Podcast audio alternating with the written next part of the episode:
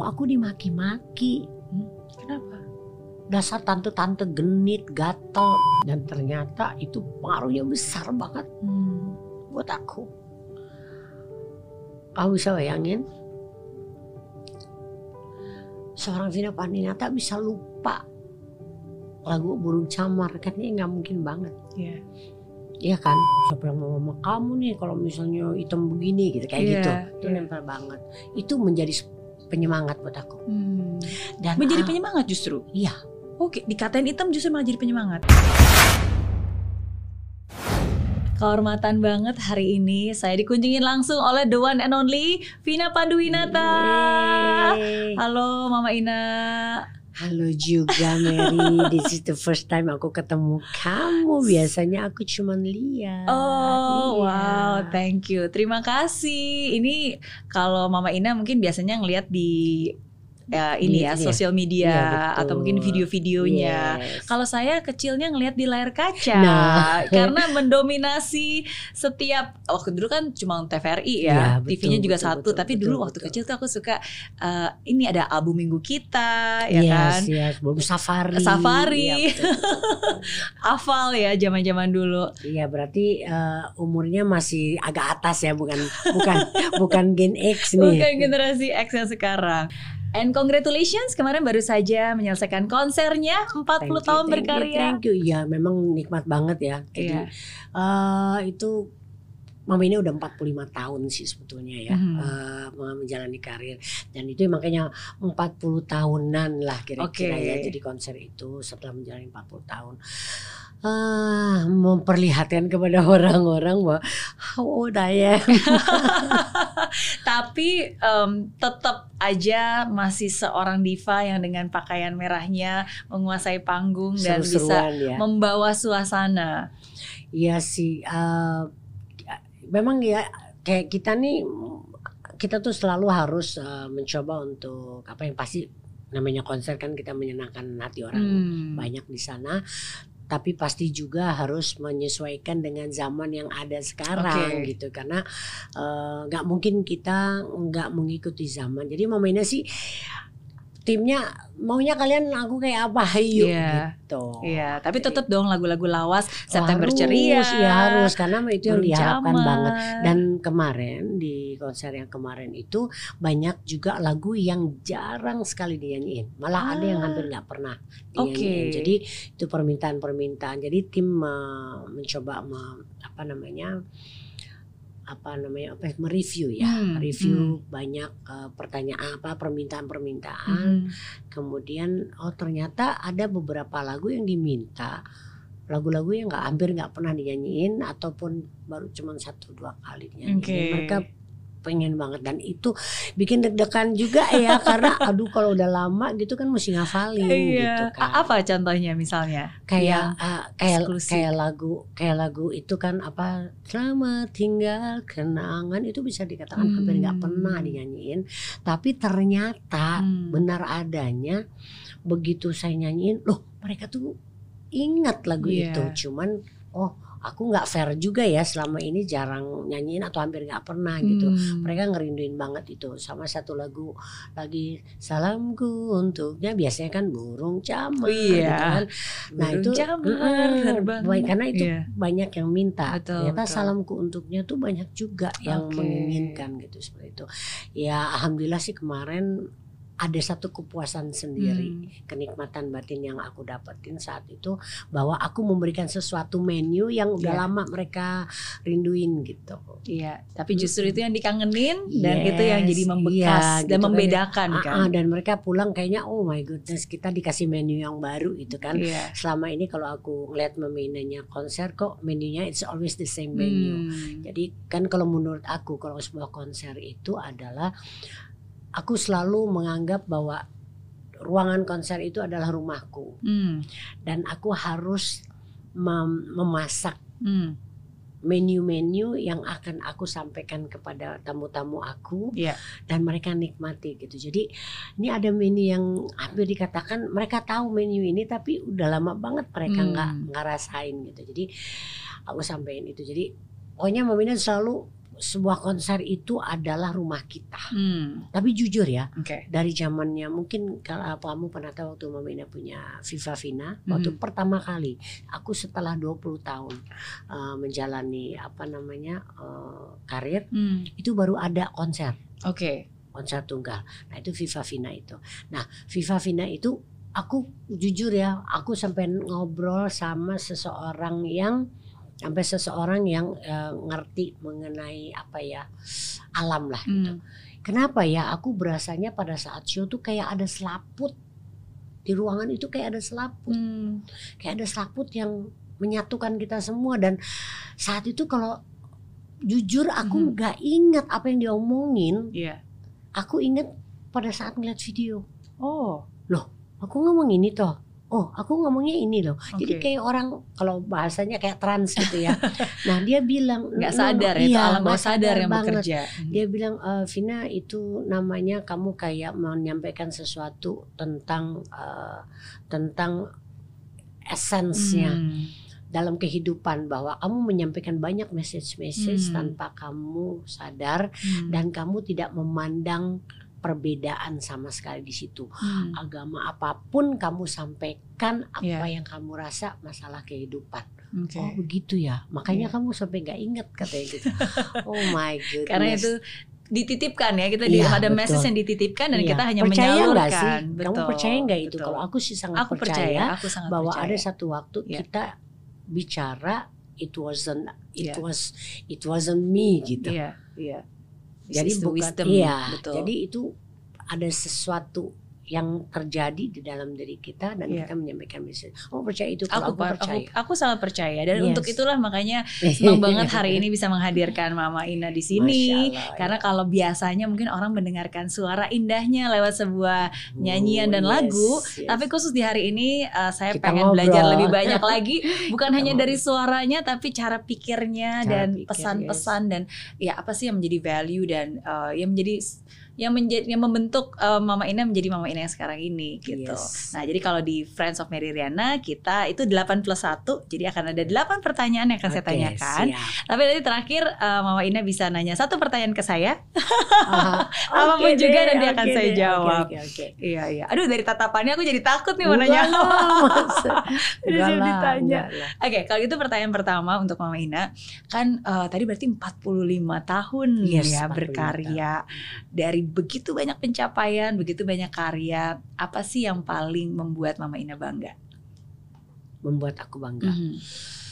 Pada saat aku mau nyanyi tuh ayahku almarhum Hmm. bilang kenapa kamu mesti nyanyi Hmm. gitu kamu mau kenapa kamu pilih nyanyi oke Hmm.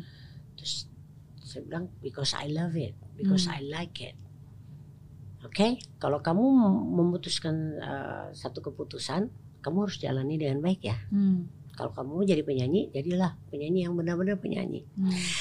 nah makanya Mama Ina itu sebuah kebanggaan buat Mama Ina di saat ngelihat ibuku, bapakku tersenyum Ah, melihat karya-karya aku. Oke. Itu kebanggaan yang aku dapat. Hmm. Kalau dibilang bangga enggak sih jadi Vina Panduwinata yang terkenal? Enggak. Hmm. Karena buat aku itu uh, adalah sebuah proses Hmm. dan sebuah hasil yang Tuhan kasih sama langkah-langkah aku gitu. Hmm. Tapi kalau dibilang bangga, bangga adalah saat di mana aku bisa melihat senyuman beliau-beliau. Hmm. Mereka bangga, aku bangga. Mereka Iya. bahagia, aku bahagia gitu. Iya. Jadi kalau misalnya pencapaian nggak men- nggak membuat aku bangga Iya. karena itu Karena itu apresiasi yang diberikan dari Yes. dunia. karena Gitu. atas atas semua karya-karya yang kita buat langkah-langkah yang kita buat ya Iya. udah itu sebuah hasil Iya. gitu apa yang perlu dibanggain karena banyak juga orang seperti aku Iya.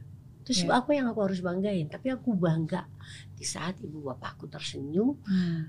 atas keberhasilan langkah-langkah aku Iya. Dan juga pastinya keluarga aku saudara-saudara aku tersenyum itu sebuah kebanggaan yang luar biasa buat aku karena keluargaku ibu bapakku adalah jiwa aku Hmm, gitu mereka hmm. adalah kebahagiaan aku yang bisa mengisi jiwa aku Hmm. dan Mereka, untuk bisa ya. melihat mereka tersenyum Betul, itulah kebanggaan. di saat kita masih bisa mereka masih bisa menikmati Yes, gitu yes. uh, apa yang sudah Yes. kita buat. Ya, kalau buat aku itu. Hmm. itu Kalau buat itu sebuah Iya. kebanggaan itu ya itu. Bentuk yang seperti itu. Saya yakin pasti semua itu terbentuk karena dari sejak kecil mungkin Mama Yes. Ina sangat dekat em, dididik, dibina dan diberikan begitu banyak kasih sayang dan perhatian. Yes, Ya, apa yang paling diingat dari masa kecil? masa kecil ya. Iya. Ya, waktu masa kecil itu aku itu eh, ada ada nih sebenarnya ada Hmm. Eh, waktu kecil tuh aku kita nih kakak beradik 10 orang. Sepuluh. Iya. saya punya adik dua, Oke. punya kakak tujuh. Oke. Saya nomor delapan. Nomor delapan. Aku ingat banget waktu kecil itu aku dipanggilnya si hitam. Oh ya, kenapa? Karena aku paling hitam Masa? kulitnya dari kakak beradik. Oke. Itu kadang-kadang kayak kayak ledekan kayak ledekan itu siapa yang mau sama kamu nih kalau misalnya hitam begini gitu kayak Iya, gitu. Itu iya. nempel banget. Itu menjadi penyemangat buat aku. Hmm. Dan Menjadi ah, penyemangat justru. Iya. Oke, dikatain hitam justru malah jadi penyemangat. Iya. Oke, Oke. kenapa? Karena buat aku hmm, eh, kita nggak usah jadi jatuh gara-gara itu. Iya, gitu. iya. Kalau bisa itu menjadi penyemangat. Hmm. Kayak misalnya satu contoh lagi. Aku pernah bertanya sama ibuku, "Ma, who I am?" Hmm. Aku anaknya mami bukan sihir. Hmm. Sampai mamiku tuh kaget. Hmm. Kok kamu ngomong kayak begitu ya sama mami? Enggak, Mam. Soalnya aku kok sama adik mesti ngalah, Oke. sama kakak mesti ngalah. Hmm. Kalimatnya adalah kamu mesti ngalah, Nak. Itu kan adik kamu. Hmm. Kamu mesti ngalah, Nak. Itu kan kakak kamu. Terus kapan gua nggak ngalahnya?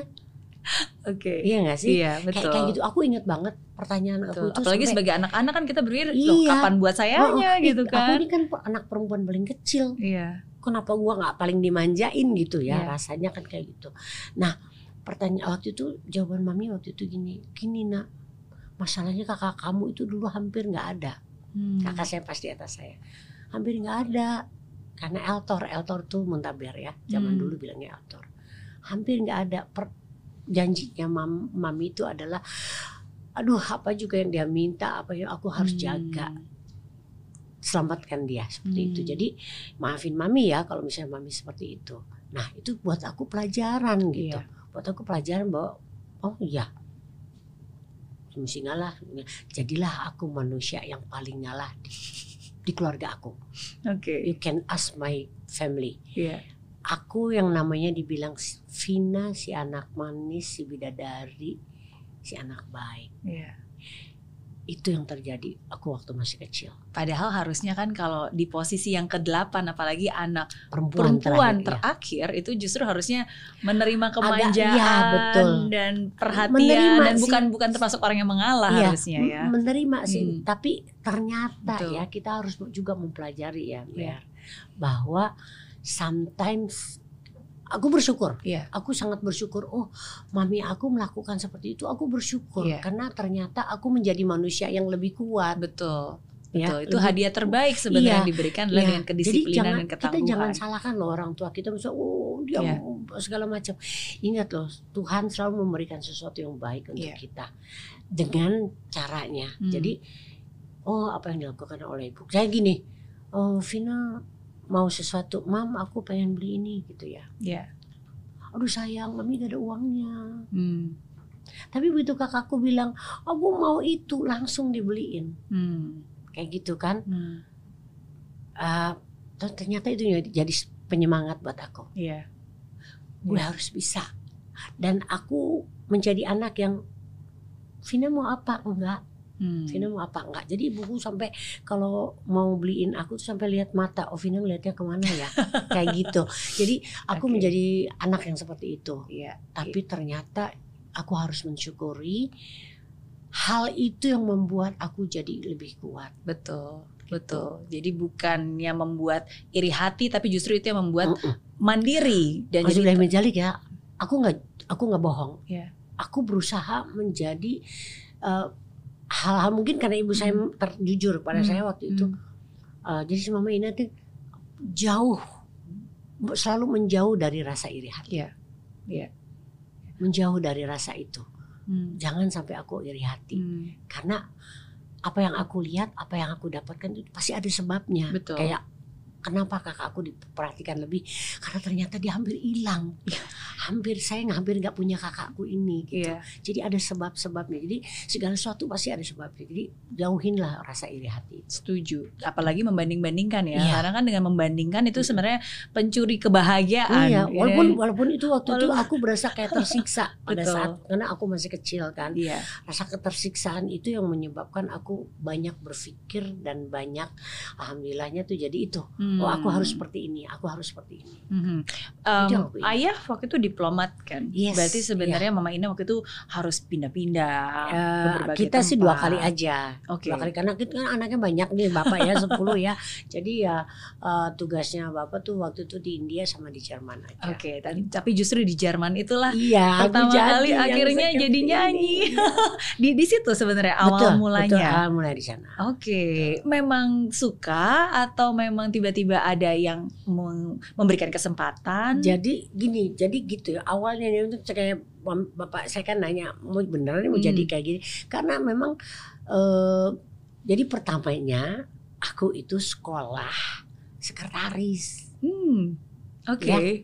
bapak karena bapakku waktu itu bilang kalau mau jadi penyanyi kamu harus punya dulu sesuatu yang formal Betul. oke Mm-mm. kamu pegang aja dulu itu formal jadilah Ike belajar sekretaris Oh ya iya.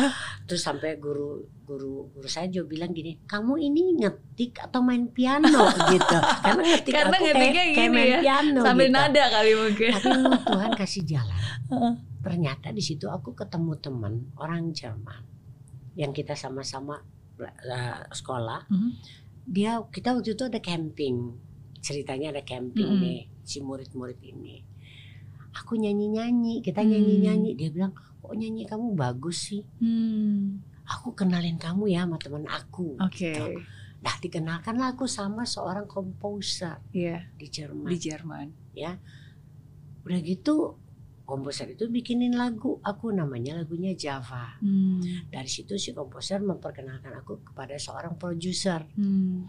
jadilah nih komposer produser masuklah ke Rekaman. uh, uh, apa namanya uh, perusahaan rekaman Iya. RCA Hmm. RCA kan Hmm. RCA ya kalau re- recording Iya, company itu gitu kan ya. itu kan banyak banget artis-artis Iya. yang apa di, di- dari RCA itu udah rekaman lah di sana Hmm. nah itu ayahku bilang kalau kamu mau jadi penyanyi jadilah penyanyi yang betul Iya. Jangan main-main. Kalau kamu melakukan sesuatu, ambil keputusan, kamu harus benar-benar bertanggung Hmm. jawab atas putusan kamu. Hmm. Ayah saya, buat aku my father is the best father in the world Hmm. karena dia selalu memberikan apa ya inspirasi, Iya. motivasi gitu. Iya. Ya banyak hal seperti dia pernah bilang, dia pernah bilang gini sama saya kan saya nanya eh, dia nanya sama sa- aku gitu kamu tuh mau menikah gitu kan Hmm. kamu tuh serius Hmm. mau nikah Hmm. jawabannya mamanya waktu itu mana ada sih manusia yang nggak serius kalau pacaran Iya. serius pak cuman masalahnya itu kan nanti kita jadi apa enggak Iya. terus pertanyaan saya waktu itu kenapa bapak emang mau saya nikah bapak kan bapak saya bilang Iya. orang tua mana yang nggak ini tapi yang satu saya nggak akan pernah menanyakan anak orang untuk menikahi anak saya Hmm. yang Hmm. saya mau adalah dia datang ke saya untuk meminta kamu Hmm. jangan harap kamu berpikir bahwa Hmm. saya meminta orang lain untuk menikahi anak saya. Iya. Ayah saya tuh luar biasa dalam hal itu. Iya. Eh, bukan gengsi, tapi itu prinsip. prinsip. betul prinsip Prinsip. Jadi eh, banyak sekali Iya. hal-hal yang saya dapat dari bapak saya. Hmm. Bapak saya tuh nggak ribet, Iya. orangnya nggak ribet, simpel, tapi cara berpikirnya sangat amat luas. Iya, dan sangat terbuka karena di Yes. tahun itu kan sebenarnya untuk menjadi profesi penyanyi itu kan Yes. Dalam tanda kutip belum nggak cerah masa depannya dan Itu dan dia. sebentar saja apalagi Mm-mm. untuk seorang diplomat yang biasanya Yes, bekerja secara iya, profesional iya, kan Iya, tapi dia tetap mendukung dan bahkan kalau Yes. serius lanjutkan lanjutkan. iya gitu jangan Iya. kamu jangan main-main kalau dalam uh, apa dalam mengambil profesi gitu kan Iya. kamu ngerti nggak apa arti profesi Hmm. Duh, ayah saya tuh luar biasa banget gitu dia Hmm. kalau memberikan apa memberikan apa namanya wejangan atau Hmm. apa tuh nggak nggak nggak guruin Iya. tapi dia memberikan apa memberikan kayak satu contoh ya Hmm. karena ibu saya itu kan mualaf Mhm. ibu saya mualaf waktu menikah sama ayah saya itu masuk uh, masuk Islam Mhm. ada satu yang luar biasa aku salut sama ayah saya. Mhm. Ibu saya sampai saya waktu di India saya umur tujuh tahun. Mhm. Saya ingat ibu saya itu sol, sholatnya masih pakai kaset, Hmm. Dengerinnya pakai. Saya umur tujuh tahun, anak ke delapan loh, Iya. ya, ya. Ibu saya masih sholatnya masih begitu. Iya. Saya bertanya sama ayah saya, kenapa? Hmm. Kenapa maksud aku hmm, kok di zamannya saya udah umur segitu ibu saya Ya, harusnya kan Karena- udah bertahun-tahun kan. ayah saya cuma bilang kita jangan pernah memaksakan orang lain Hmm. yang paling penting contohkan Hmm. jadi ayah saya lima waktu sholat sampai ibu saya akhirnya mau sholat dengan baik dan naik haji itu sampai lima kali tahu Wow. umrohnya berapa kali Oke. Nah itu karena ayah saya mencontohkan dan ayah saya bilang nggak pernah dan saya melihat benar Hmm. adik saya masih kecil ayah saya lagi sujud Hmm. adik saya naik di atas punggungnya dia enggak beranjak Hmm. Hmm. Ditunggu sampai adik saya turun baru Hmm. jadi luar biasa Wow. dia bilang pokoknya satu jangan memaksakan Iya. dan jangan sedih loh saya tuh kalau lagi Natalan, oma saya Natalan, yang nyanyi tuh kita, Hmm. anak-anaknya Panduwinata. Hmm. Jadi tetap toleransi. toleransi. Iya. Jadi kita dari kecil Iya. Diajarkan, dididik oleh orang tua Iya. itu toleransi. Satu contohnya, Iya. kalau oma saya hari Minggu membawa Hmm. saya ke gereja, Hmm. pulang-pulang ayah saya tanya, Vina dari mana? Dari gereja sama oma. Hmm. Tahu jawaban ayah saya apa? Oh gitu dari om dari gereja sama oma. Ayo neng pakai bahasa Sunda. Ayo mandi. Guru ngaji kamu Oke. sedang sedang menunggu. Gak ada sedikit pun mata sorotan mata atau Iya. apa yang membuat saya tuh karena beliau Iya, benar. iya, betul. Anak kecil nggak ngerti. Tapi dia bilang cuma, ayo mandi sayang. Wow. Guru ngajimu sudah menunggu kamu. Oke. It was great. Tidak menjat sedikit saya, ya. ayah saya itu adalah ayah Iya. yang paling baik di atas bumi ini menurut aku. Hmm. Dan sangat setuju sih. Maksudnya ketika berbeda itu bukan berarti yang satu benar yang satu salah. Yes. Itu hanya berbeda saja Betul, ya, berbeda. betul. Dan Jadi kita harus bisa sama-sama Iya. menghargainya. makanya gitu. kita dari Iya. keluarga kita tuh Iya. Dari kecil sampai sekarang Hmm. kami saling menghargai perbedaan kami karena Hmm. keluarganya mami, keluarganya bapak kan berbeda dalam apa pemilihan apa keimanan. Pilihan, ya. Jadi betul. menurut aku, alhamdulillah aku juga mengajarkan anak aku seperti itu. Oke. Yes. Apa yang diajarkan oleh orang tua pasti itu membentuk kita menjadi diri kita yang Yes, sekarang. betul. Em, kalau saya lihat tadi wah berarti seorang Vina Panduwinata, Mama Ina ini eh, tangguh, ceria, optimis, punya akhlak yang baik, cara pikir yang baik.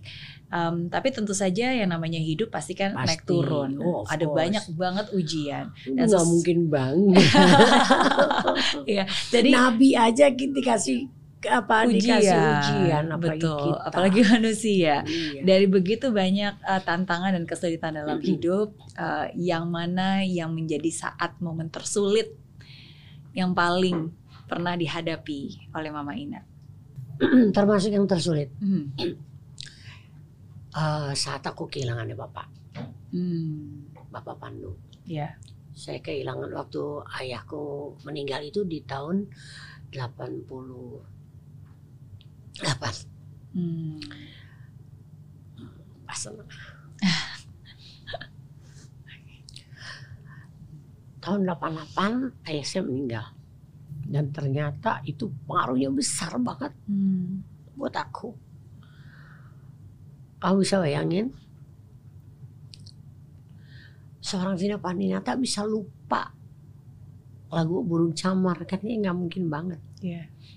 Iya kan? Sesuatu yang udah dinyanyikan terus menerus berkali-kali. Yes. udah Jadi hafal luar kepala tuh harusnya. waktu itu nyanyi eh, kalau nggak salah berapa hari setelah meninggal ayah Hmm. Bapak Pandu. eh kalau nggak salah itu dua apa tiga hari. Tapi Hmm. kan yang namanya kita kan yang namanya udah namanya kontrak mungkin nggak Hmm. mungkin kita ini ya. Jadi aku datang ke sana dan aku ternyata manusia biasa yang bisa blank. Hmm. Aku blank. Sampai tante Titi Puspa datang yang datengin aku Hmm. dia bilang maafin ya anakku katanya karena Vina itu baru kehilangan ayahnya Hmm. jadi "Oh, udah Vina broadside jadi aku ke belakang panggung dulu jadi itu diisi dulu sama tante Titi Puspa Hmm.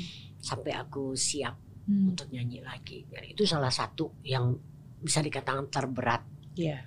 karena aku ada ada ada rasa apa ya rasa bersalah apa segala macam Eh, sampai saat ayah saya meninggal tuh eh, aku nggak apa ya nggak men, menginikan eh, janji aku bahwa aku mau menikah gitu Hmm. sampai beliau meninggal jadi aku bisa bayangin kayak rasa apa ya aku punya kayak punya utang kayak punya dosa gitu ayah saya tuh nggak pernah nanya sama anak-anaknya kapan kamu nikah cuman Hmm. aku satu-satu yang ditanya jadi buat aku eh, apa ya Hmm. mungkin beliau tahu mau meninggalin gitu kan jadi Hmm. nanya nah itu yang paling berat buat aku itu Hmm. itu itu saat yang paling berat buat aku paling berat sih Hmm.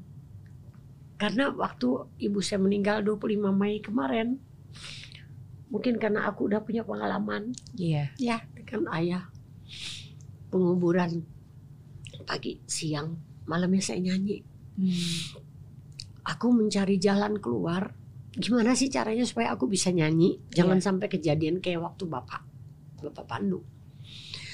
Jadi aku nyanyi saat itu buat mami yang aku bayangkan mami senyum. Oh mami lagi senyum. Mam this one's for you gitu. Iya. aku lakukan ini untuk untuk mami. Aku kasih lihat sama mami bahwa mami lihat bahwa anaknya kuat gitu. Mami udah bahagia di sana loh. Iya. I'm happy. Kan mami udah bahagia di sana. Itu jalan jalan eh, apa ya Untuk satu jalan yang aku ambil. Hmm. karena aku nggak mau eh, kejadian lagi kayak Iya. waktu ayah saya jadi mungkin saat itu aku nggak tahu mesti ngapain gitu ya jadi bukan berarti kehilangan ibu aku juga nggak berat bukan tapi aku udah tahu Iya. caranya bagaimana eh, menghandle rasa yang menekan aku gitu. Tapi Hmm. kalau ditanya yang paling berat yang aku rasa ya itu waktu uh, aku kehilangan ayah ayahku itu. meninggal ya, Iya, karena betul. uh, Mama Vina merasa ada yang belum terselesaikan ada pada yang saat belum itu. terselesaikan. Iya. Kemudian ya banyak lah gitu. Aku karena buat buat aku uh, beliau adalah motivator aku. Hmm.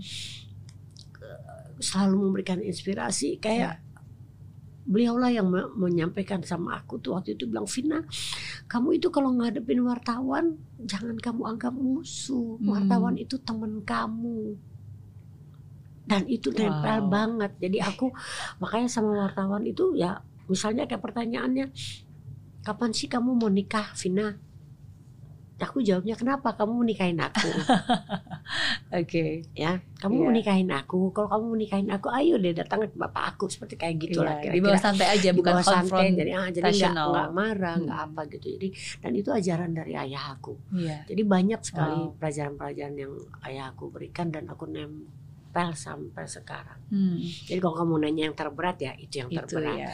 ibuku pergi pun buat aku berat cuman aku sudah bisa dikatakan mungkin pendewasaan Iya. yang aku dapat setelah kehilangan ayahku begitu lama akhirnya saya tahu bagaimana sih how to handle it how Hmm, to handle it. jadi ternyata ada satu yang harus kita tanamkan bahwa oh beliau tuh udah bahagia loh di sana. Kenapa Betul. mesti aku tertekan? Kenapa aku nggak bisa terima? Kenapa aku nggak mau? Hmm. aku harus ikhlas aku harus justru mendukung. Hmm. Tuhan memberikan kebahagiaan orang tua kita tuh kita harus mendukung itu gitu. Jadi kalau nangis ya biar aja.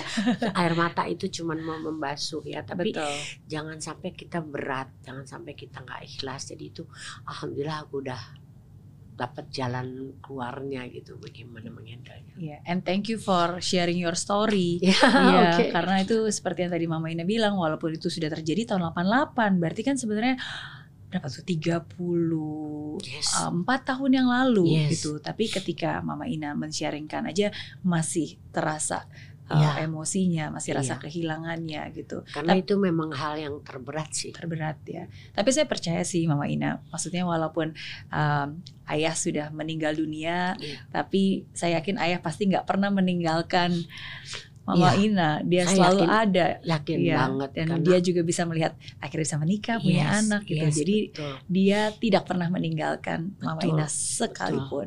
itu Mm-mm. betul banget memang orang-orang yang cinta sama kita nggak pernah kok Iya, pasti kita rasakan itu kok saat-saat ada satu saat-saat di mana kita mungkin lagi ya pusing lagi Hmm. stres itu kita berasa tuh kayaknya orang yang sayang sama kita tuh ada di dekat kita iya. itu kita rasain Pernah nggak sih ngalamin sesuatu yang uh, spiritual, hal spiritual apa yang sepertinya kayak mukjizat, hal yang kayak wah ini nggak mungkin terjadi tapi ternyata terjadi yang pernah dialamin oleh Mama Ina. Kalau buat Mama Ina sebuah mukjizat itu memang Tuhan itu milik Tuhan ya Hmm. kita manusia hanya punya kata mau atau tidak mau Hmm. kata bisa atau tidak bisa itu cuma milik Tuhan Hmm. jadi Hmm. kita tinggal milih kita mau melakukan itu apa enggak Iya. dan mukjizat itu aku rasakan dari zaman dulu sampai sekarang Hmm. itu saat kalau kita lagi sulit ya kalau kita saat lagi sulit Tuhan pasti kasih jalan Hmm. kan itu mukjizat ya Hmm. mukjizat yang Tuhan kasih sama kita gitu tapi itu semuanya juga terjadi jikalau kita percaya bahwa Iya. mukjizat itu ada Iya. kita kan menjalani kehidupan kita ini menjalani kehidupan kita ini banyak sekali turun naiknya Iya. gitu kan ada saat banyak ya kayak gini lah kita kalau lagi kesulitan lagi kesulitan ini itu ini itu tapi selalu dikasih jawaban Iya. contoh kan ini ke dalam hidupnya kita misalnya gini uh banyak banget nih bayaran-bayaran ya Hmm. yang harus kita lakukan karena Iya. itu kewajiban kita Betul, tagihan-tagihan, Tagihan-tagihan kewajiban-kewajiban. kewajiban kita karena kita sudah melakukan sesuatu ya kita Hmm. harus wajib kita Hmm. wajib me- bertanggungjawabkan Hmm. gitu. nah itu banyak sekali hal yang kayaknya nggak mungkin banget nih bahasanya kayak gini lah ini bayar-bayaran ini jumlahnya sekian banyak Hmm. uang kita nih cuma segini gitu ya dari mana ya gitu tapi kalau kita selalu percaya bahwa Tuhan selalu memberikan sesuatu Iya. yang terbaik untuk kita yang penting kita berusaha Iya. ikhtiar gitu kan pasti kamu dikasih jalan Dia yang menyediakan. yes Iya. ada bahasanya begini istilahnya Tuhan tuh bilang begini kamu yang menanam bibit Hmm. padi Hmm. aku yang mengisi buah padinya Wow. Iya. pertanyaannya Tuhan bilang masa aku yang nanam aku yang ngisi Oke. kamu yang menanam Iya. aku yang mengisi buahnya Oke. Jadi artinya yang paling penting kita mau menanam. Betul. Kalau kamu nggak mau menanam, apa yang aku harus isi? Hmm. Jadi masing-masing ada bagiannya. Yes. Bagian kita adalah prosesnya, yes. bagian Tuhan adalah hasil akhirnya. Gitu. Dan Tuhan tahu buah yang mana yang perlu dan kapan. Betul. Makanya ada bah- bahasanya waktunya. Iya. Nya itu N-nya NYA-nya tuh gede. Hmm. Banyak orang berpikir waktunya, waktunya. No, Iya. waktunya itu adalah waktunya, Waktunya. Tuhan. Hmm. Jadi Tuhan berikan pada saat. Jadi kayak gini ya. Iya. Ada aku sangat sangat itu itu itu mukjizat tuh Hmm. karena eh, Tuhan memberi bukan memberikan apa yang kita minta, Hmm. Tapi Tuhan memberikan apa yang kita butuhkan. Hmm. Hmm. Kalau kita minta ini, kata Tuhan enggak, kamu tuh butuhnya saatnya di sini, Iya. bukan di sini. Iya. Kamu minta yang ini saya nggak kasih, Hmm. saya mau kasihnya saat kamu butuh. Hmm. Buat saya itu mukjizat yang luar biasa yang harus kita syukurin gitu. Iya. Jadi kalau pertanyaan mukjizat itu mukjizat-mukjizat Banyak ya. itu Iya. dan selama ini Dan itu terjadi. terjadi dalam Terjadi. Ina. Kayak contoh misalnya kayak saya punya asisten. Iya. Itu sampai banyak belajar dari aku. Hmm. Aku bilang jangan pernah merasa bahwa kita nggak punya. Hmm. Jangan pernah kamu me- meragukan cinta Tuhan. Hmm. Percaya deh. Tuhan kalau berikan rezeki sama kita, Ya. itu pasti ada titipan. Ya. Kalau kamu nggak pernah berikan kepada orang lain titipan Tuhan, ntar Tuhan nggak percaya lagi sama kamu. Iya. Jadi kalau kita punya uang sejuta, ada orang lain perlu misalnya 800 ribu. Hmm. Sementara ini prioritas. Sementara aku butuhnya 5 juta. Hmm. Apa bedanya saya mencari 5 juta dengan 4 juta? Iya. Kan karena saya yakin saya akan dikasih jalan nih. Oke. Oke, Iya. Tolong aja karena kamu percaya nggak bahwa itu adalah titipan Tuhan kepada si orang ini? Betul. Percaya deh Dan sama itu aku. satu hal yang luar biasa karena ketika kita memberi di saat kita lebih itu mungkin Yes. uh, Iya. wajar. Tapi Yes. ketika kita memberi di saat kita juga masih kekurangan sebenarnya. Kayak Yes. tadi Mama Ina bilang kan, adanya satu juta, butuhnya 5 juta, tapi ada orang yang membutuhkan nih 800 ribu. Gimana nih? Saya juga lagi Iya. butuh. Nah, Sekarang itu. kamu ba- bagaimana susah. kamu tahu bahwa yang selama ini kamu dapat banyak, ada beberapa yang tertinggal titipan Tuhan. Iya. Bisa aja yang Tapi itu pernah ini. pernah terjadi di dalam hidupnya Mama Ina. sering banget Lagi saya. butuh sesuatu. sering banget Hmm, dan terjadinya adalah Tuhan berikan jalan bukan lagi 5 juta Tuhan berikan tapi Hmm. 10 juta tapi aku lakukan berikan 800 itu bukan untuk minta sama Tuhan Iya. ini iya. bukan loh Bukan untuk mancing ya. Ini sudah Bukan, kasih ini terus kita bukan. nagih. bukan Tuhan saya udah kasih ini loh. Mana balasannya ya gitu aku ya. lebih Nggak aku gitu. Hmm. lebih condong begini rasa bersyukur itu Iya. bukan saat kita dapat bersyukur sama Tuhan bukan Iya. bersyukur bersyukur terus untuk dapat min- minta sama Tuhan untuk dapat bukan rasa bersyukur itu Hmm. apa yang telah kita buat kita dapat Hmm. kita lakukan kebaikan di depannya Iya. itu baru namanya rasa bersyukur Hmm. bukan melakukan kebaikan untuk mendapatkan kebaikan lagi Iya. tapi.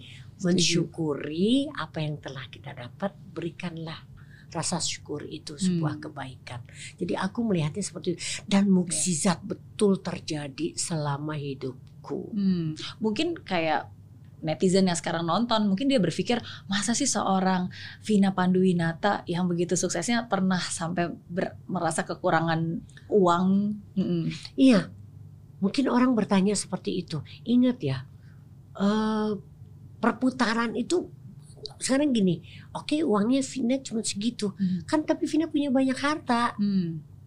Tapi kan yang namanya uang perputaran kan bisa aja. Hmm. Ada saatnya kita jangan dikira.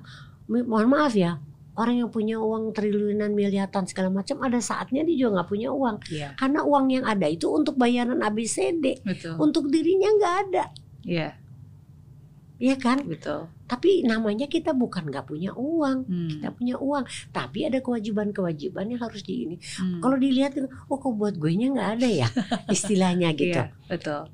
ya kan? Buat gue nya nggak ada nih. Yang ada ini. Tapi apa? Itu memang kehidupan, Iya. memang harus dilakukan seperti itu. Jadi menurut aku sebuah mukjizat itu Hmm. kita dapatkan di saat kita lagi membutuhkan sesuatu bantuan dari Tuhan, Tuhan berikan itu Oke. sebuah mukjizat dan itu terjadi selalu di saat kita mau selalu percaya bahwa Hmm. Tuhan selalu ada membantu kita.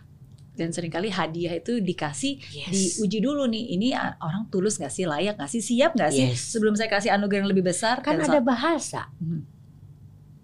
Pelangi itu ada sesudahnya hujan hujan hujan angin kan? iya Ya kan? Iya. Kemuliaan itu Iya. akan kamu dapatkan setelah kamu menebus Iya. kesulitan. Baru Betul. Tuhan berikan kemuliaan. betul Pelangi itu mana ada sih pelangi tanpa hujan nggak ada. betul. Itu kan sebenarnya jelas banget kita nggak usah pusing-pusing mikir lihat aja depan mata pelangi itu ada oh sesudah hujan. Hmm, nggak ada pelangi kalau nggak ada hujan. Berarti kita susah dulu baru kita dapat kemuliaan dong. Betul. Dan Nah, maukah kita walaupun susah Yes. tetap berterima kasih berprasangka baik? Iya. itu ujian yang sesungguhnya ya kan? Betul. Karena kalau dikasih hadiah orang kita berterima kasih. Tapi Iya. ketika saya belum kasih nih kamu masih terima kasih nggak sama saya? Nah. Cinta kamu karena benar-benar karena saya atau Iya. cinta kamu karena saya kasih kamu? Betul. Begitu banyak hal dalam hidup kamu Nah, Hmm. kita aja waktu sekolah mana ada kita namanya ujian mau dapat bagus kalau kita nggak belajar Hmm. Hmm. bisa kan Iya. enggak kan Iya. dan ada satu lagi yang kita harus bersyukur berap- jangan terlalu berharap Oke. kamu gua harus dapat 10 nih Iya. begitu dapat 6 kamu nggak bersyukur loh Iya.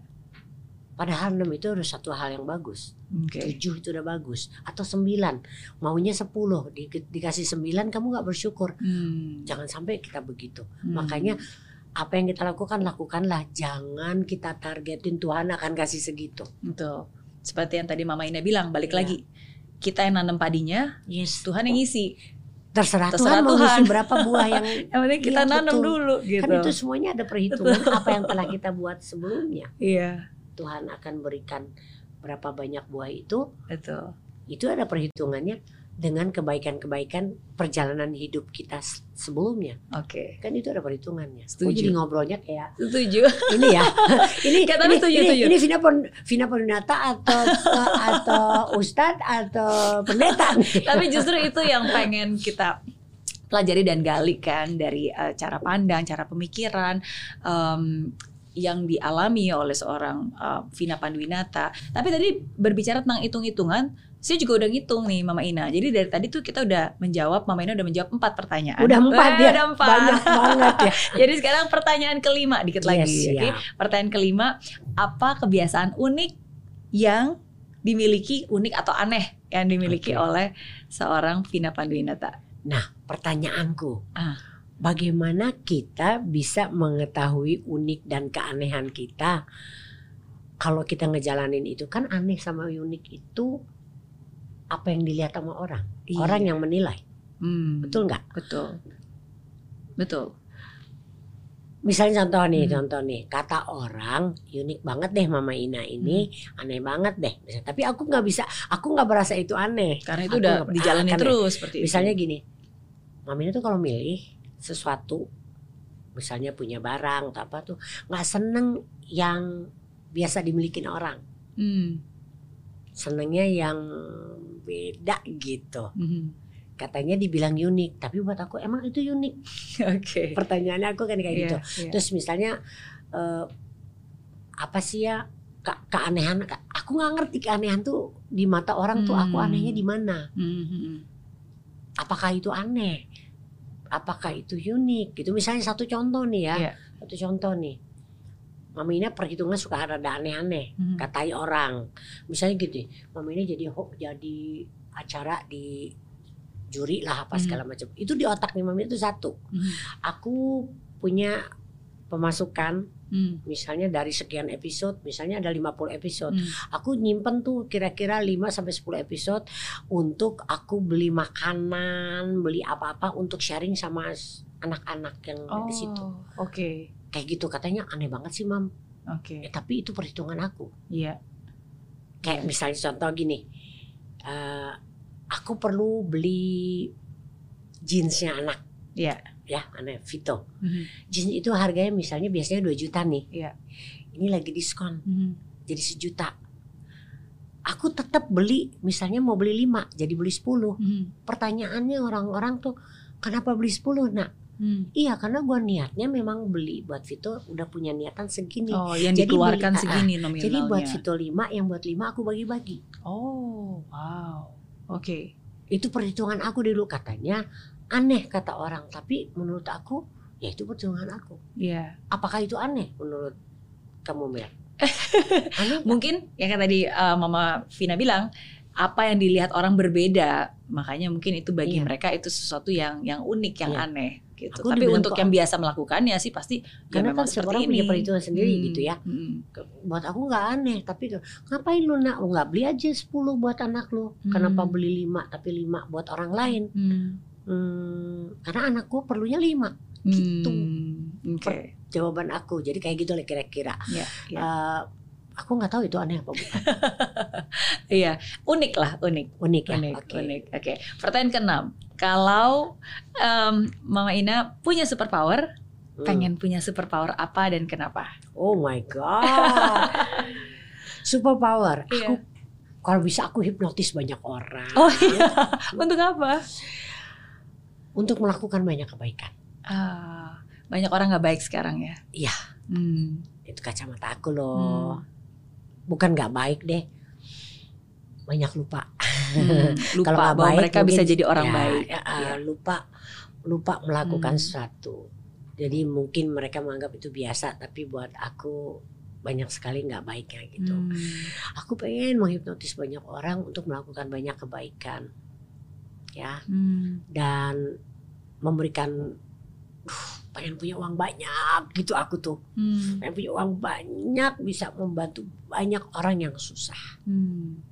itu cita-cita aku dari kecil Wow. aku pengen jadi orang yang kaya raya Hmm. bisa membantu banyak orang yang susah Hmm.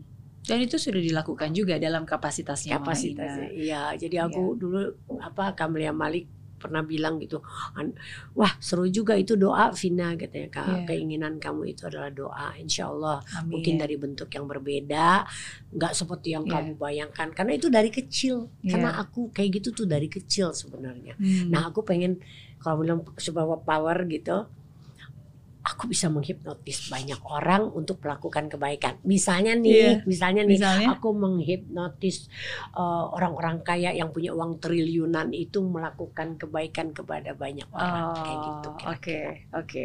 Supaya yang melakukan kebaikan bukan hanya beberapa orang aja, tapi Yes. semua saling melakukan kebaikan. gitu ya gak bisa juga itu bukan hidup namanya tapi kan kita berani bermimpi. Siapa tahu Iya. setiap doa mungkin Tuhan punya caranya juga untuk bisa mewujudkan itu dengan konteks yang berbeda, Iya. ya kan. Tapi kalau berbicara tentang superpower sih, ya memang Mama Ina nggak butuh superpower ya karena udah superwoman juga.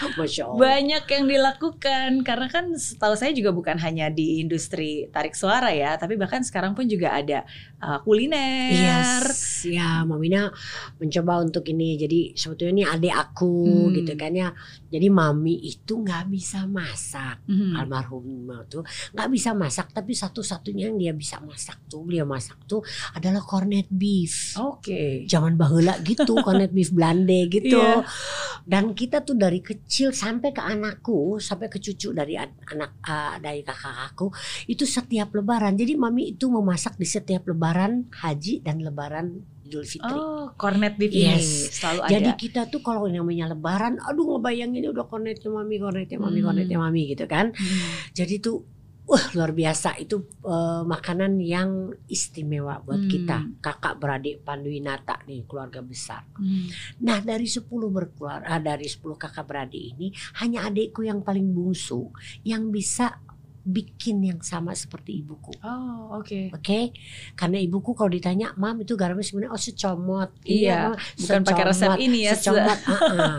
Nah adikku bisa dan akhirnya bikinlah yang namanya eh, apa namanya bakmi herbs oil, Ah, ya. oke. tapi toppingnya tuh nggak nggak biasa. Jadi toppingnya tuh eh, iga, lidah, tapi kayak kornet, oh. kornet lidah, kornet iga gitu. dan Nah, di Itu bakmi. basicnya, tapi ya di bakmi. Basicnya bakmi, Jadi jadi oke. toppingnya tuh itu. Iya, Terakhir-terakhir ada ayam, sebelumnya hanya itu. oke. Ya, nah jadi set- nah itu resep kan dari ibuku. Hmm. Jadilah itu saya pernah di salah satu mall lah Mhm. punya tapi tahu kan pandemi Iya, kan iya. ya jadi eh, saya tarik ke Bintaro nah yang di Bintaro itu aku bikin ayam asap juara Ah, jadi oke. ayam asap jadi kita punya bakmi herbs oil juara sama ayam asap juara Oke. Insya Allah ini bisa jalan baik karena Amin. sekarang udah mulai bagus Betul. ya jalannya orang udah mulai datang Ah, gitu kan. makan. waktu pandemi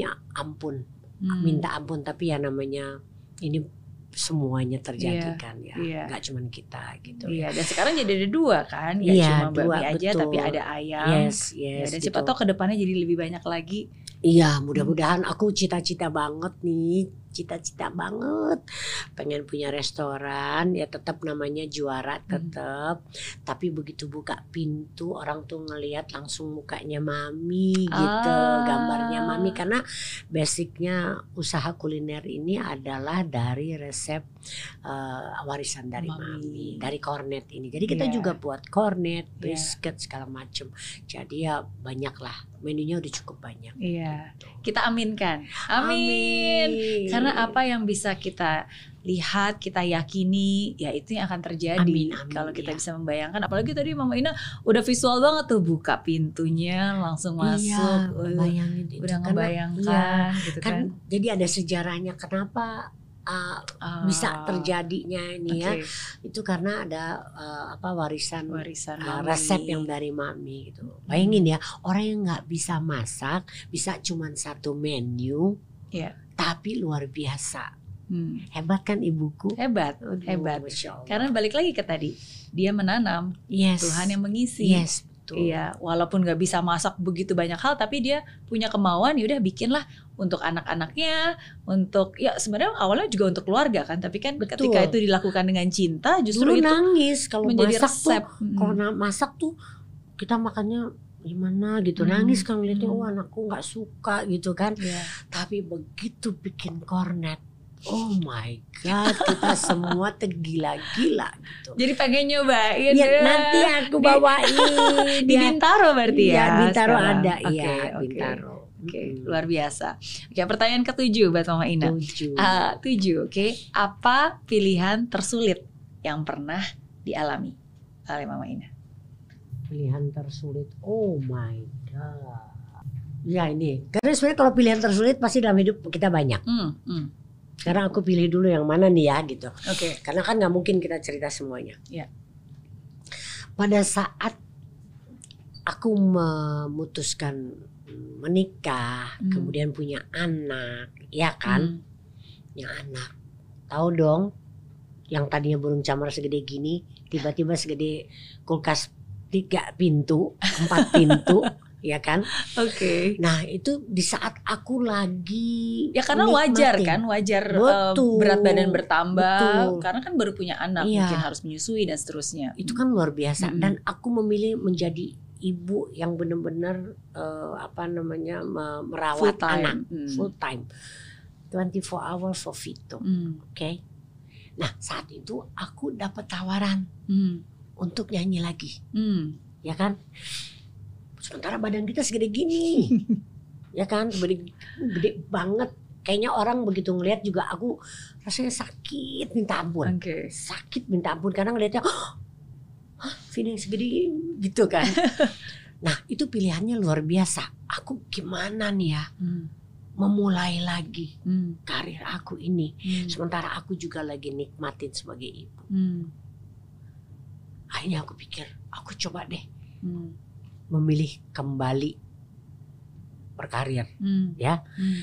aku yakin aku yakin aku nggak akan pernah aku nggak nggak nggak meninggalkan Hmm. eh, eh, apa tugas aku sebagai ibu, Ibu. sebagai Hmm. istri itu pilihan yang lumayan loh Hmm. sementara aku mulai dengan badan yang segede gini Hmm.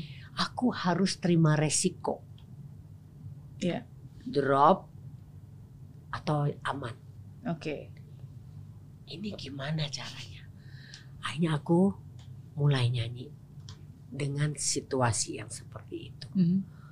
memang nyakitin awalnya Nyakitin tuh karena apakah ada orang-orang yang memberikan Sekarang- komentar seperti itu atau cuma di anggaplah bayangan? bukan komen ya matanya aja Oh. udah oh bisa bayangin nggak sih Iya.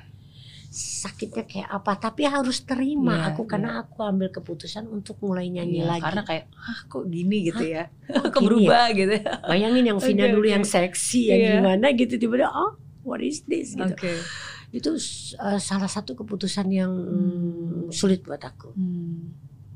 banyak meninggalkan tugasku sebagai ibu Iya. memulai karir lagi tapi ternyata itu pilihan cukup bisa dikatakan benar Iya. karena untuk kembali apa menginjak lantai karir ini harus usaha Iya. kuat usahanya harus kuat karena kalau nggak usaha kuat kita bisa mental Hmm. gitu dan bersyukur aku bersyukur banget eh, suamiku memberikan kesempatan jadi artinya mengizinkan Iya. ya kan dan juga punya anak yang alhamdulillah luar biasa dia apa namanya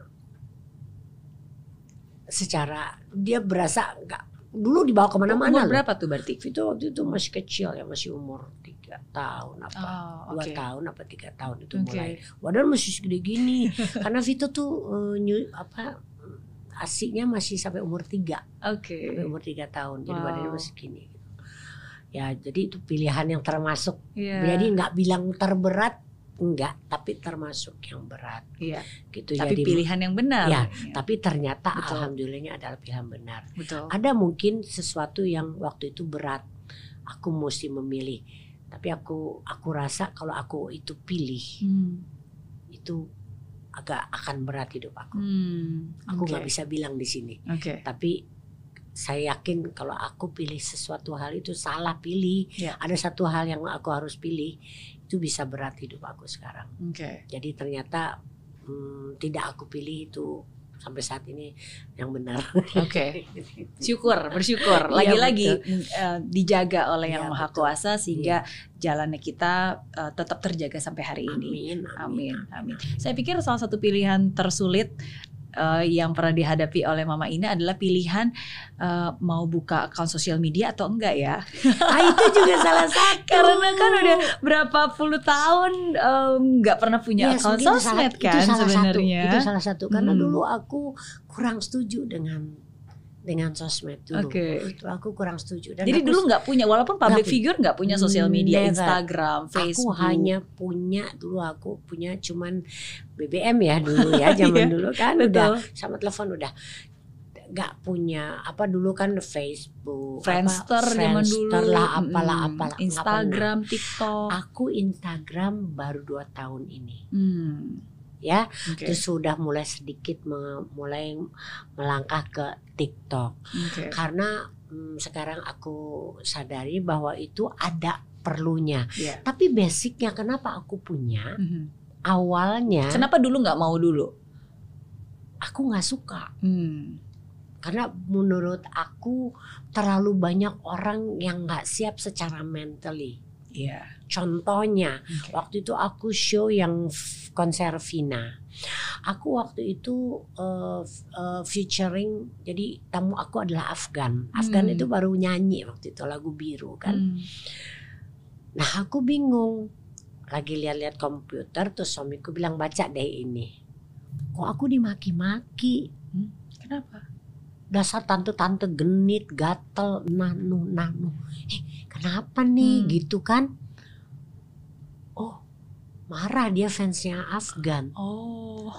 kan kalau nyanyi kita berdua ya Wah. let that's it gitu kan ya Iya. terus bilang terus aku jawab kan aku jawab eh, aku bilang kenapa kamu marah sama Mama Ina Mhm. kamu mau ketemu Afgan ayo Mama Ina anterin Mhm. dan dia nggak jawab sama sekali diem seribu bahasa nggak ada Hmm. jawab jadi dari situ aku ngeliat oh kok gitu ya artinya dia berani karena ada Hmm. selaput dinding yang ini gitu kok jadi pengecut Iya, ya kok karena di balik ter- layar Yes. hanya ketikan jari. kok terdidik jadi pengecut ya nih anak-anak gitu Oke. banyak aku ngeliat-lihat kejadian-kejadian kok terdidiknya bagus Hmm. gitu waduh ini kok oh, dunia maya ini terlalu banyak orang yang nggak siap secara mental gitu nggak sanggup aku ngelihatnya belum ada yang berantem ini suamiku suka kasih lihat kamu lihat deh baca deh ini aku nggak sanggup deh ini gitu kayak maki-maki Iya. apa segala macam gitu kan Iya. waduh kok begini ya jadinya nggak mau nyentuh sama sekali aku yang namanya sosmed Hmm. nah sampai titik di mana pas pandemi waktu itu Hmm. aku suka marahin Vito Hmm. Vito kenapa sih kok kamu susah banget nih di, di diajak bicara segala macam aku selalu bilang di mobil gini simpan handphone kamu Oke. simpan handphone kamu mama talk to you Iya. bicara dong ngobrol sama mama Janwe jadi kayak Jangan gitu main handphone terus Ya. gitu ya. jadi aku nggak ngerti terus aku bilang kalau kamu sakit yang kamu cari siapa Hmm. Brad Pitt Hmm. Angelina Jolie Oke. mama yang akan datang mama yang kamu cari kayak gitu jadi Hmm.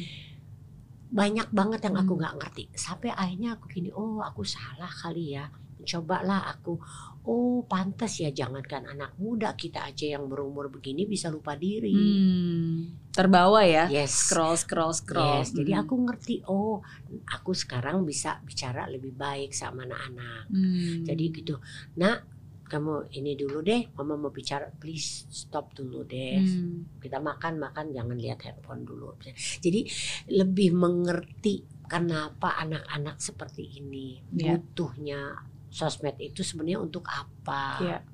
gitu kan Iya.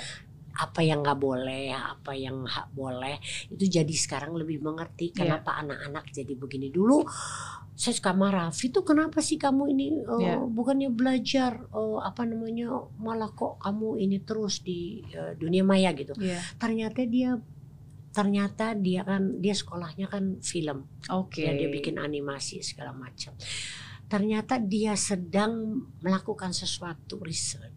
Bi- jadi teman-temannya tuh ada yang dari Amerika ada yang dari Inggris ada yang dari Eropa mana gitu oh rupanya oh aku salah jadi nah, Hmm. karena itu aku pengen tahu kenapa sih aku bisa nggak ngerti jadi Oke. makanya aku punya sosmed supaya aku jauh lebih mengerti anak-anak sekarang Oke, jadi awal tujuannya seperti itu ya. itu Karena awalnya anak zaman sekarang sih sebenarnya bukan cuma anak ya.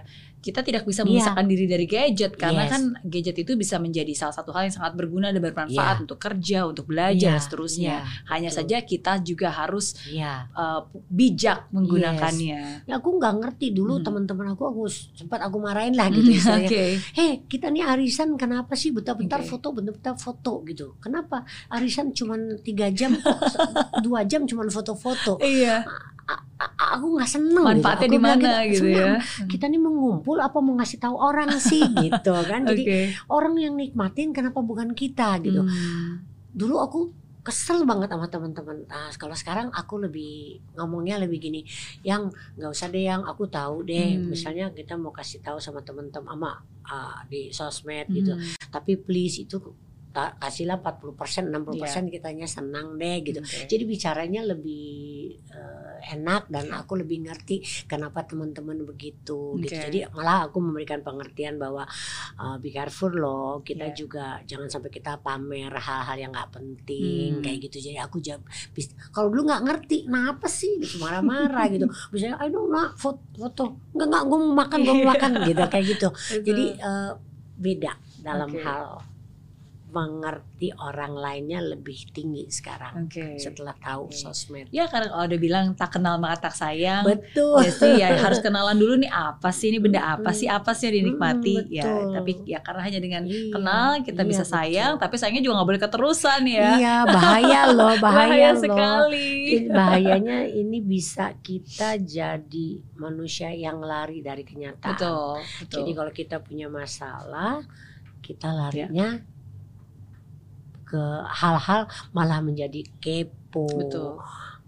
Kepo boleh kalau untuk manfaat Ya. yang baik, tapi hanya kepo untuk urusan orang lain sih kalau menurut aku Ya. kurang baik. Iya, dan banyak orang nggak sadar Betul. eh, kenapa namanya cellphone Iya. kan kita sebutnya cellphone ya uh, mereka nggak sadar kadang-kadang sebenarnya sel itu kan kayak penjara. Jadi Yes. kalau mereka tidak menggunakan dengan baik sebenarnya cellphone itu itu penjaranya kita. betul. Kita terpenjara di Betul, situ betul. tanpa kita sadari loh walaupun Betul. nggak ada selnya, yes. nggak ada jerujinya tapi Iya. tanpa kita sadari itu kita sebenarnya terpenjara dengan handphone kita. Betul. Apa yang kita lihat di situ, kita baca di situ, kita ngeliat jadi kesel, kita ngeliat jadi Yes. iri gitu kan. Yes. Ya jadi jangan sampai kita terpenjara oleh gadget Iya. kita. That's why Betul. it called cell phone sebenarnya. Yes. Bahaya banget gitu kan. Iya. Eh, sebenarnya ya kalau momennya sih yakin sebenarnya Tuhan berikan segala sesuatu kemajuan semua itu kan sebenarnya untuk ke manfaat yang Betul. banyak untuk manusia. Cuman manusia aja yang sering nggak mengerti Hmm. maksud Tuhan ya. Jadi ternyata banyak hal yang nggak manfaat akhirnya Hmm. dilakukan. Oke. Gitu. Aduh jangan sampai deh ya. Amit-amit. Tapi seneng least sekarang kan udah punya Instagram, Iya. uh, TikTok juga ada ya bahkan. udah mulai nih TikTok gitu pengen Iya, pengen tahu iya. oh TikTok ma- manfaatnya seperti ini oke Iya. untuk memberikan informasi toh aku banyak juga ma- apa informasi mengenai masakan Iya. informasi mengenai banyak hal gitu Hmm. juga ba- bagus lah Karena itu kan ada.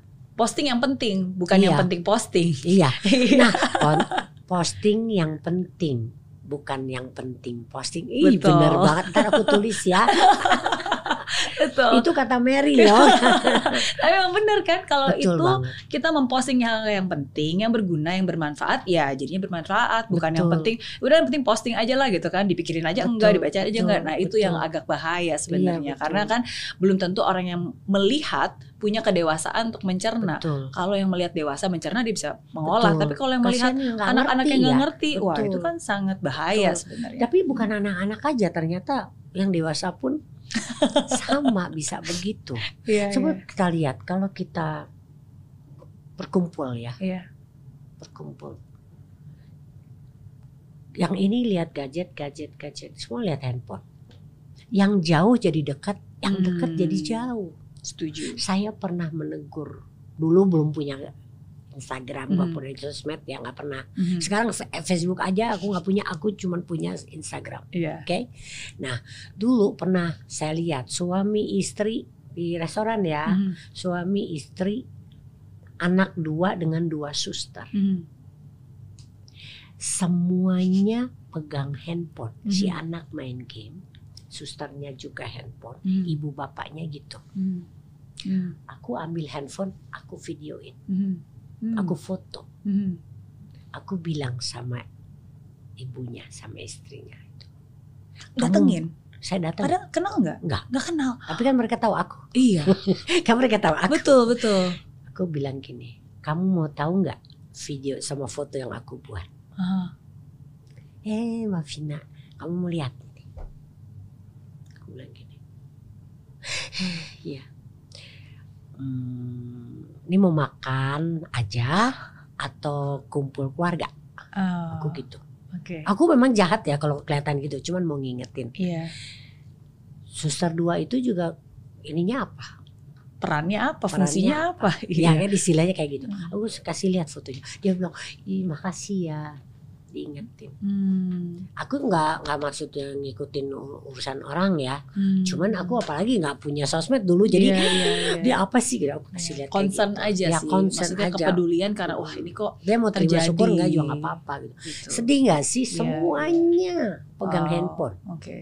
Semua pegang handphone. Tapi Iya. maksud aku, ya ini bahayanya kalau kita nggak menyadari dan nggak kuat mental Hmm. menghadapi sosmed. Aku aja kemarin ini agak sedikit Setuju. kelebihan ngelihat ini sampai mata bureng.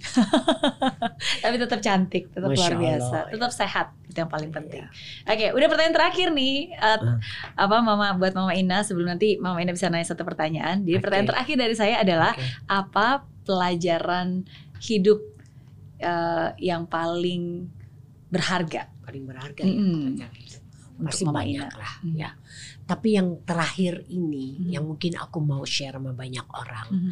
itu adalah dan aku selalu bilang sama anak-anak kalimat yang ini yang saya mau saya sampaikan dan ini Mamina kebetulan bisa ada di Hmm. tempatnya Mary Thank mungkin banyak yang melihat aku pengen sharing ini aku berasa terbuka mataku bahwa aku bukan siapa-siapa. Hmm. Apa yang aku lakukan, apa yang aku dapatkan selama ini, mau uang banyak, kesempatan banyak, apa semua itu adalah hadiah dari Tuhan. Hmm. Itu terjadi di saat pandemi itu ada. Hmm. Selama dua tahun yang biasa ya, saya penuhnya minta ampun jadwal. Hmm. Kok bisa kosong? Hmm. Artinya apa, Mer? Hmm. Kamu boleh jago nyanyi, kamu boleh jago kerja, kamu mau bekerja apa pun semua sama seperti zaman dulu Hmm. sebelumnya. Begitu Tuhan tidak berikan kesempatan itu. Hmm. Kalau Mama Ina kan panggung. Iya. Kalau Tuhan tidak berikan panggungnya, mau ngapain Vina Panduwinata? Iya. Mau nyanyi di mana? Iya. Nyanyinya masih sama, Hmm. pakai bajunya Cinderellanya masih sama. Iya. Apanya yang nggak sama? Semua sama, inginannya sama. Hmm. Masalahnya Tuhan kasih panggungnya tidak. Iya. Kalau Tuhan tidak berikan panggungnya, mau ngapain seorang Vina Panduwinata? Di rumah lah sebagai ibu Iya. dari Vito, sebagai istri dari suamiku, Hmm. Ya kan, Hmm. yang ngurus rumah. Ya seperti itu. Hmm. Nah, Orang-orang itu juga yang lain Hmm. kerja masih tetap iya segala macam tapi kalau misalnya krisis kayak begini akhirnya mau nggak mau PHK Iya, dirumahkan. dirumahkan Hmm. atau misalnya eh, gajinya diturunkan karena nggak sanggup Hmm. kalau karena keadaan jadi ingat selama ini Mer kita ini dapat uang banyak Hmm. itu bukan karena kita hebat Hmm. Iya. bukan karena kita hebat bukan karena gua mau gua hebat Hmm. bukan Hmm. semua itu hadiah yang Tuhan kasih sama kita Hmm. terserah Tuhan kasih kapan dia berikan kita hadiah Iya. pelajaran yang luar biasa di Iya. pandemi ini adalah buka mata. Jangan pernah kamu berpikir semua yang kamu dapatkan itu karena Hmm. kamu. Hmm. No way. Hmm. Hmm. Miliaran uang yang kamu dapat selama ini itu bukan karena Hmm. kamu hebat, Hmm. tapi karena Tuhan berikan hadiah pada kamu. Hmm. Itu pelajaran yang Wow. saya sampaikan kepada anak-anak yang lain, yang penyanyi, yang make up, yang rambut. Jadi jangan kamu menangis dapatkan kekurangan Iya. selama pandemi ini. Jangan menangis, syukurilah apa yang telah kamu dapatkan selama ini. Iya. Karena ini yang kamu dibukakan mata bahwa you are nothing, we are We are nothing. Iya, dan kalau kita masih diberikan kesempatan hari ini bisa bernafas, bisa makan, Masih bisa yes. punya kerjaan, bisa Yes. capek itu ya karena kasih dan anugerah itu hadiah sih. betul Mm-mm. Harus disyukuri. karena dia penentunya. Iya. Jadi kalau bilang sekarang kalian semua istirahat, istirahatlah kita semua, Iya. ya kan? Iya. Iya. Jadi Iya. jangan pernah kamu sombong, Hmm. jangan pernah kamu angkuh, Hmm. Hmm. karena kita bukan siapa-siapa. Hmm. Thank you sudah men-sharingkan uh, dan menjawab 8 pertanyaan saya. Yeay. Senang banget bisa uh, mengetahui lebih banyak tentang cara berpikir uh, dan prinsip-prinsip hidup dari Mama Ina. Sekarang berarti seperti janji saya karena Mama Ina udah menjawab 8, jadi Mama Ina boleh bertanya satu pertanyaan. Nanya apa ya? Apa pun. Yang apa juga boleh. Mamina pengen nanya karena yakin setiap orang itu kalau melakukan sesuatu itu punya mission, Hmm. punya ada keinginan, Hmm. harapan. Hmm. Mamina pengen nanya gitu. Kamu bikin podcast ini, Hmm. yang kamu harapkan itu kamu dapat apa? Ya. Dan kamu bisa bayangkan kalau kamu bisa jadi kayak Mama Ina, kamu jadi seorang Vina Panduwinata itu, apa sih yang kamu lakukan? Oke, oke. Wah langsung pertanyaannya zep. Oke, karena Mama Ina bertanya tentang uh, tujuan, Tujuan. uh, purpose. Yes. Uh, berarti itu harus saya tarik balik lagi ketika pertama kali saya tahu apa itu purpose dan mencari, menyadari apa purpose hidup saya dan itu tahun 2008 Mama Ina. 2008. 2008 berarti udah 14 tahun yang lalu. Oh my god. Uh, yes. Jadi waktu itu saya udah berhasil di Singapura, udah punya uh, lagi hamil anak pertama 4 bulan. Oh, Uh, oke. tapi di situlah uh, pernah ada sempat kekosongan di dalam hidup saya. Saya mencari uh, sebenarnya hidup itu kan bukan ha- hanya materi ya. Maksudnya ketika Yes. sudah berhasil dapat penghargaan, dapat prestasi, Yes. dapat satu juta dolar, tapi what's next gitu. Nah Yes. jadi di situlah saya mulai mencari dan tahu oh ternyata ada purpose, ada mission. Kenapa sampai hari ini saya masih hidup, masih nafas. Iya. Berarti kan ada misi yang saya harus tahu ini apa nih supaya saya bisa uh, mempertanggungjawabkan hidup saya ketika nanti saya bertemu dengan Sang Pencipta. Nah, jadi di tahun 2008 itu saya tuliskan kalimat sederhana yang menjadi my mission statement.